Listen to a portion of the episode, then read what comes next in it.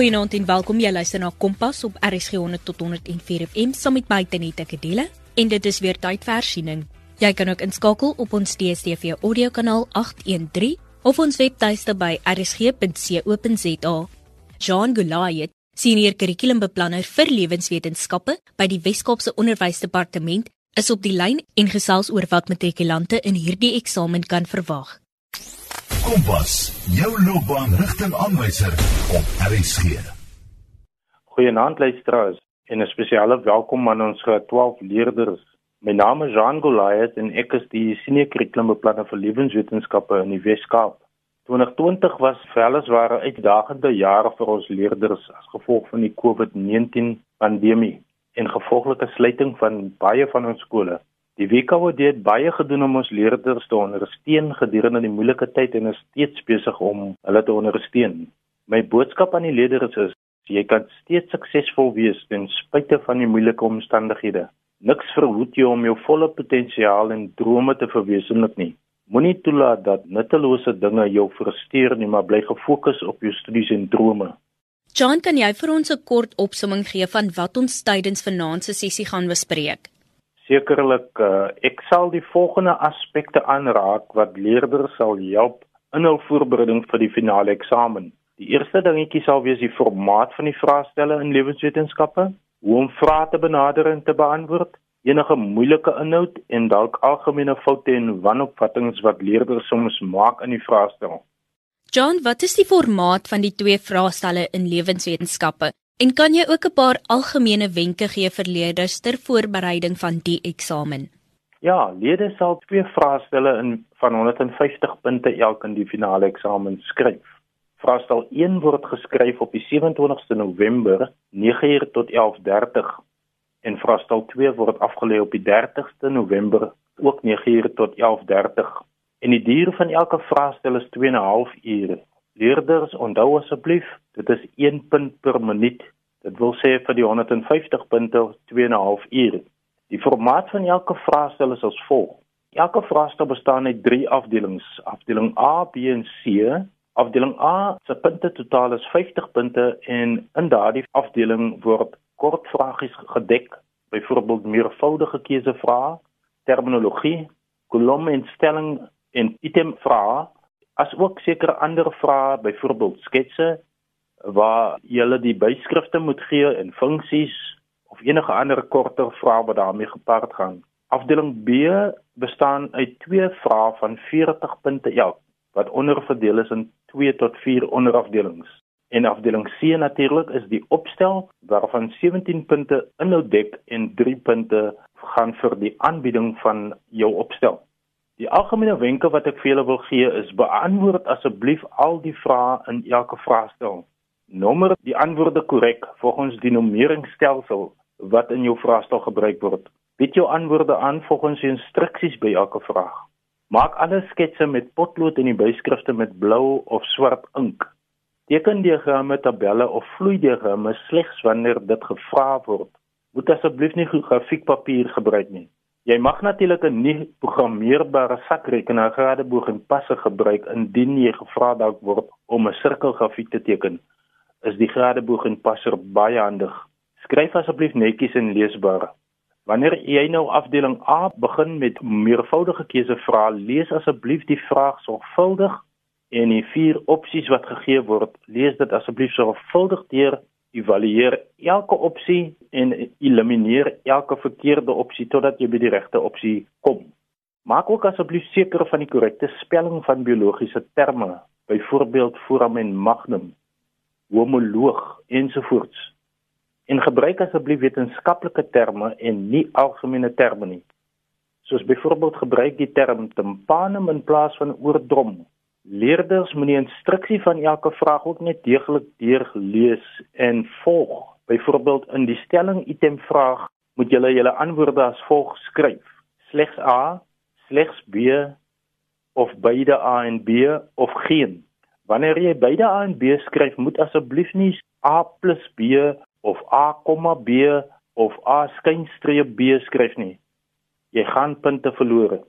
By vrae wat slegs 'n letter vereis, moet jy slegs die letter neerskryf. Byvoorbeeld skryf slegs die letter neer van die molekuul wat die aminosuur dra indien jy 'n diagram gegee word. Ander vrae mag vereis dat jy beide die letter en naam moet gee. Byvoorbeeld 'n vraag soos skryf die letter en naam neer van die deel wat impulse weg van die selliggaam gelei in 'n diagram van 'n motoriese neuron. Jean, ek dink met hierdie wenke, hulle sien nou baie meer uit na die lewenswetenskap eksamen.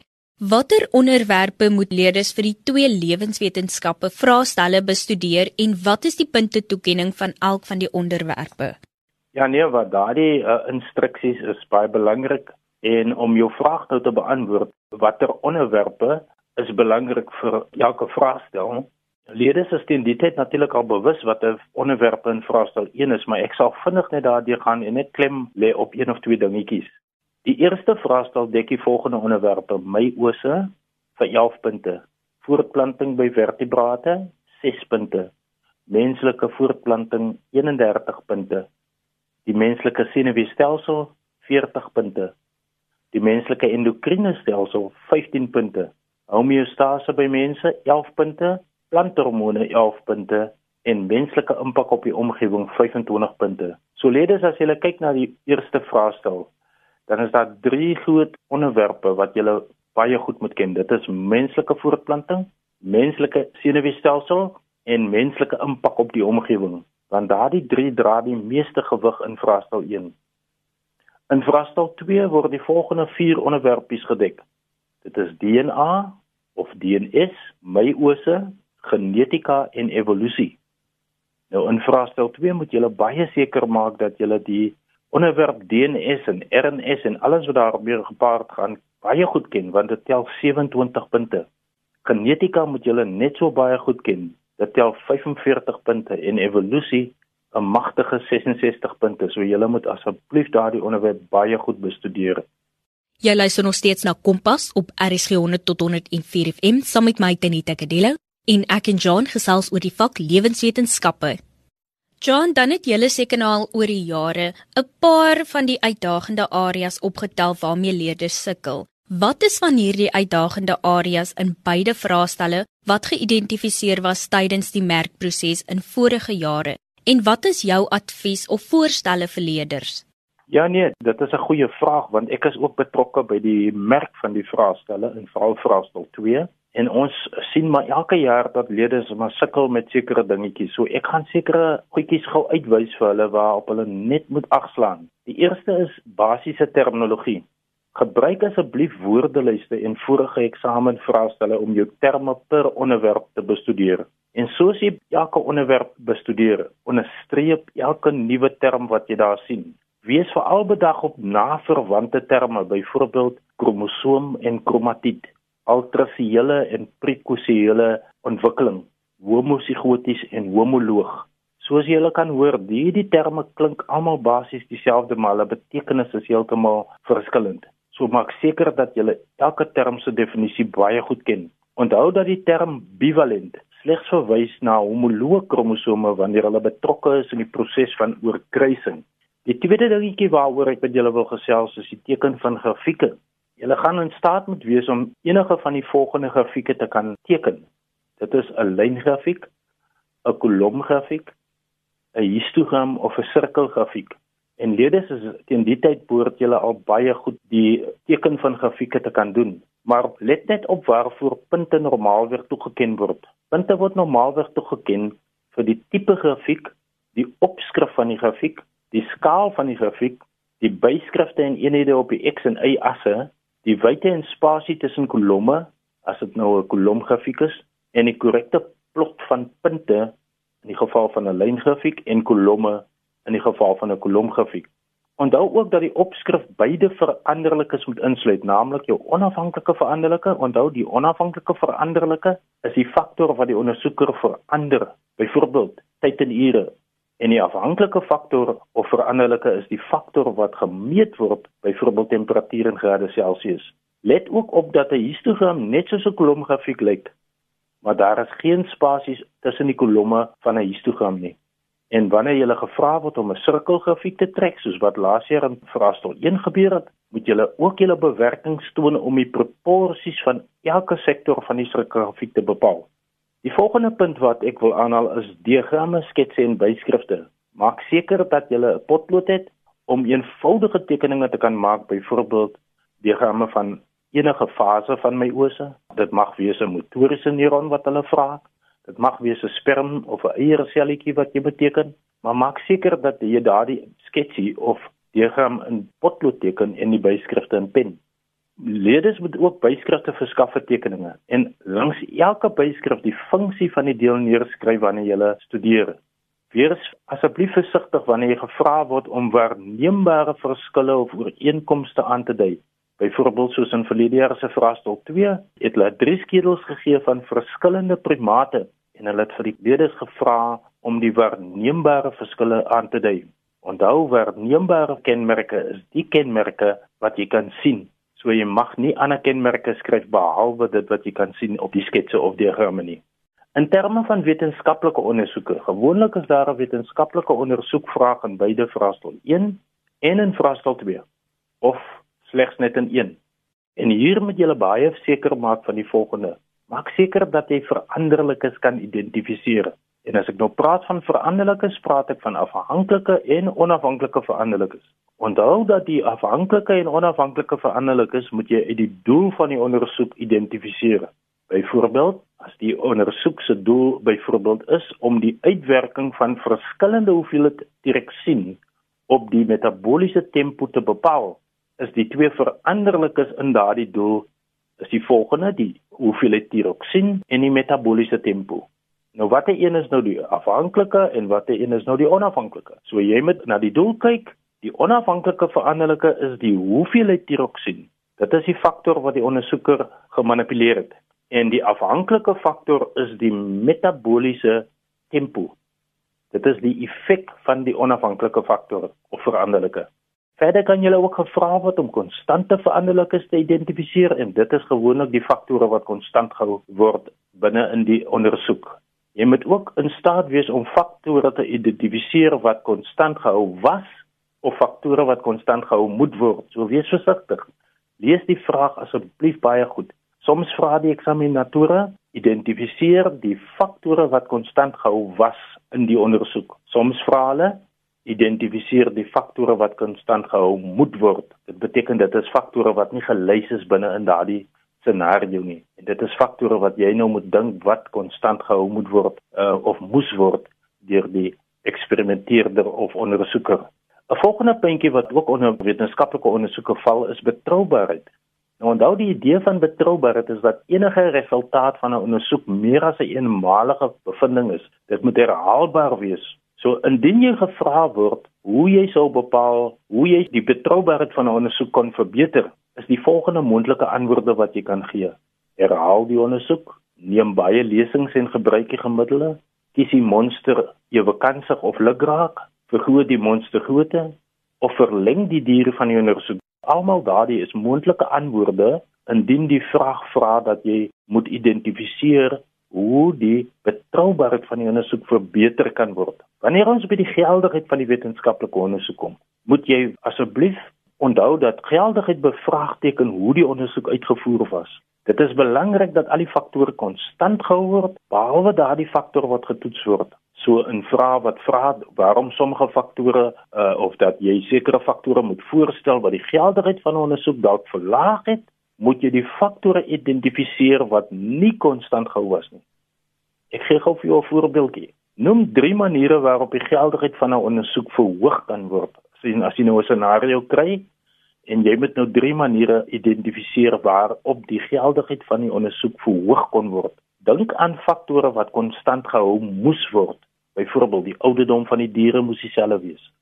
Die diere moes dieselfde voedsel ontvang het. Voedsel moes op dieselfde tydstip gegee gewees het. Die diere moes van dieselfde spesies gewees het.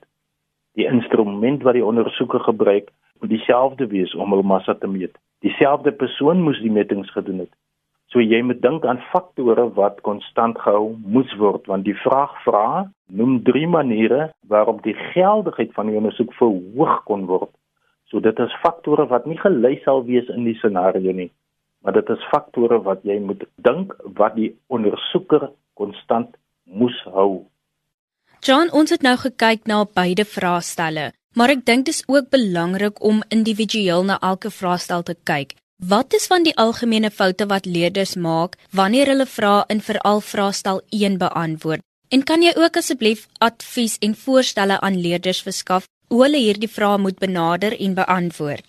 Sekerlik. Leerders is soms nie in staat om die verskillende fases van my ose byvoorbeeld vanaf diagramme te identifiseer nie. Ek ek neem nou my ose as as die eerste onderwerp in vraestel 1, want onthou my ose is in beide vraestelle. En dan is leerders soms in staat eksaminatore gee vir hulle diagramme met uh, van my ose, verskillende fases van my ose, want dan is sekere leerders soms nie in staat om hierdie diagramme te identifiseer nie. Byvoorbeeld, is dit 'n diagram van anafase 1 of metafase 2 of profase 1 ensovoorts. Soms kan leerders nie die diagramme van verskillende fases in die korrekte volgorde organiseer nie. Hulle gee soms die fases 'n uh, bietjie de mekaar, die diagramme en dan moet leerders dit in die korrekte volgorde plaas en leerders sukkel 'n bietjie daarmee. Baie leerders sukkel ook soms met die verskillende terme wanneer hulle byskrifte moet verskaf in die diagramme. Byvoorbeeld sentromeer en sentriool of sentrosoom of die kernmembraan en die selmembraan, die kromosoom en die kromatied. Dit is sukkel 'n bietjie met daardie terme. Maak seker dat jy daardie terme kan onderskei van mekaar. Dan moet jy ook die fases en die gebeure tydens elke fase ken. Nou in die mind the gap studiegids wat elke lede behoort te hê, is daar leerdiagramme van my ose om die verskillende fases en die gebeure wat daar tydens uh, elke fase gebeur uitwys. So leerders kan daardie leerdiagramme met graagte gebruik terwyl hulle studeer. Hulle moet ook die volledige naam van 'n fase aandui. Byvoorbeeld, jy moenie net sê metafase of anafase nie, jy moet sê metafase 1. Die diagrammetjie stel metafase 1 of metafase 2 voor of anafase 1 of 2. Moenie die 1 of 2 vergeet nie asseblief.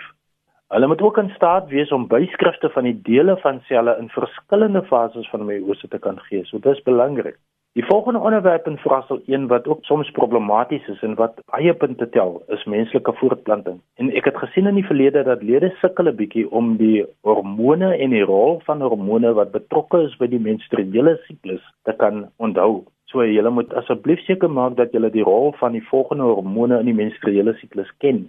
Dit is die follikelstimulerende hormoon FSH, die luteinizingshormoon LH, progesteroon en estrogen.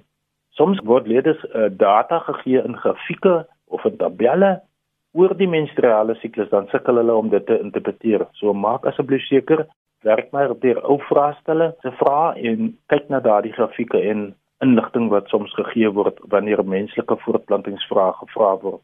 Soms weet hulle nie hoe om die ontwikkeling van die sigoot tot en met inplanting te beskryf nie.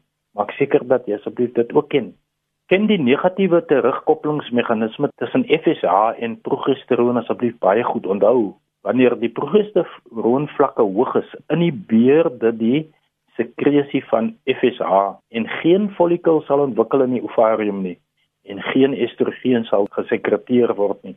Maak asseblief seker dat jy daardie negatiewe terugkoppeling tussen FSH en progesteroon baie goed ken. So die name en die funksies van elke hormoon wat 'n rol in die menstruele siklus speel, moet jy baie goed ken. As advies sou ek sê stel 'n tabel op met die name van die hormone in die eerste kolom en in die tweede kolom skryf die funksie van elke hormoon net na langs aan neer. Die derde onderwerpie gaan oor die senuweestelsel. En hier word lede soms die oog, hulle kry diagramme oor die oog of die oor of die refleksboog. Maak asseblief seker dat jy byskrifte tot daardie diagramme kan gee. Dan moet jy ook natuurlik die volgende baie goed kan ken en beskryf. Dit is oogakkommodasie, pupilmeganisme in dowwe en helder lig, gehoor en balans. Ek wil net so ietsie sê oor gehoor. Onthou, by ons oorskilp of die pinna ontvang die klankgolf.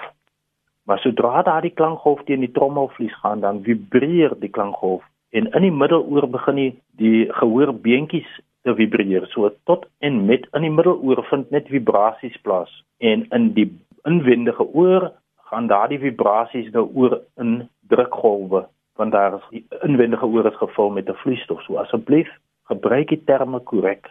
Dan moet in die mind gap virus is daar baie leerdiagramme oor die oog, die oor en jy kan dit gebruik asseblief om daardie leerdiagramme byskrifte te verskaf en funksies. Die volgende aspek is negatiewe terugkoppeling in vraestel 1. En lede soms ken nie die basiese stappe van die verskillende negatiewe terugkoppelingsmeganismes nie. Onthou die volgende 7 stappe wat ook in die mind the gap genoem word. Stap 1: 'n wanbalans word waargeneem. Ek, ek gaan dit julle verduidelik aan die hand van 'n voorbeeld. So die eerste stap in 'n negatiewe terugkoppeling, erns word 'n wanbalans in jou liggaam waargeneem. Kom ons maak 'n voorbeeld van tiroksien en TSH. Kom ons sê die tiroksien vlak in die bloed neem af dan word 'n beheersentrum gestimuleer en in die geval van tiroksien en TSH is dit die hipofise wat gestimuleer word. Die beheersentrum reageer, in die geval sal dit wees die hipofise wat meer TSH sal produseer. 'n Boodskap word dan aan die teikenorgane toe gestuur en die teikenorgane in die geval is die tiroïedklier, so die TSH word met die bloed na die tiroïedklier vervoer en stimuleer die tiroïedklier. En die teikenorgaan reageer onmiddellik uh deurdat in die geval in die voorbeeldse geval sal die tiroïedklier meer tiroksien sekreteer. En dit keer dan die wanbalans om. Dit beteken die tiroksien vlak gaan verhoog en die balans word herstel. Dis die laaste stapie en dit is wanneer die tiroksien vlak terugkeer na normaal so onthou asseblief daardie sewe stappe in 'n negatiewe terugkoppelingsmeganisme want jy kan gevra word die negatiewe terugkoppelingsmeganisme tussen glikose en glikagon of wat ook al die geval is daar wat soos wat jy geleer is. Menslike impak op die omgewing is die volgende belangrike onderwerp. Hierdie inhoud word normaalweg in die vorm van beskrywings, definisies, grafieke en uittreksels in vraestelle gedek. Leerders is nie in staat soms om gegeewe inligting in teks of grafieke en tabelle te interpreteer nie. Werk asseblief deur vorige vraestelle en werk deur daardie data respons tipe vrae oor menslike impak. Maak ook seker dat jy in alle gevalle eenvoudige berekeninge kan doen indien jy daarna gevra of daarvoor gevra word. Dit bring dan Jean Golayet, senior kurrikulumbeplanner vir lewenswetenskappe by die Wes-Kaapse Onderwysdepartement se Kompas kuier tot 'n einde. Indien jy enige navrae of terugvoer vir vanaand se program het, kan jy SMS stuur na 45889 teen R1.50 per SMS of 'n e-pos na kedeloutz@sabc.co.za. Kompas word aan jou gebring in samewerking met SABC Opvoedkunde en Percy Mogale was ons regisseur vir vanaand. Jy kan natuurlik ook die WKOD se webtuiste by wced.eportal.co.za besoek waar daar talle studiehulpbronne en materiaal beskikbaar is. En indien jy nog steeds vashak, kan jy ook na afrikaans.com se webtuiste gaan. Die eindeksamen is uiteindelik hier en een van die beste maniere om te studeer is nog steeds deur behulp van hersiening. Gaan loer gerus op afrikaans.com se leerhulp afdeling vir 'n lys vraestelle oor Afrikaans eerste addisionele taal en Afrikaans huistaal en spring sommer dadelik weg. Om die vraestelle af te laai, gaan na afrikaans.com, klik op die leerhulp en kies vraestelle onder die leerblokkie. Daar is ook nuttige studiewenke wat jy by artikels op die algemene blokkie op die ladingsblad kan kry. En dit aan die einde van ons kompas kuier vir vanaand. Ek en jy kuier en klets weer môre aand saam. Tot dan van my Tenita Kadello. Totsiens.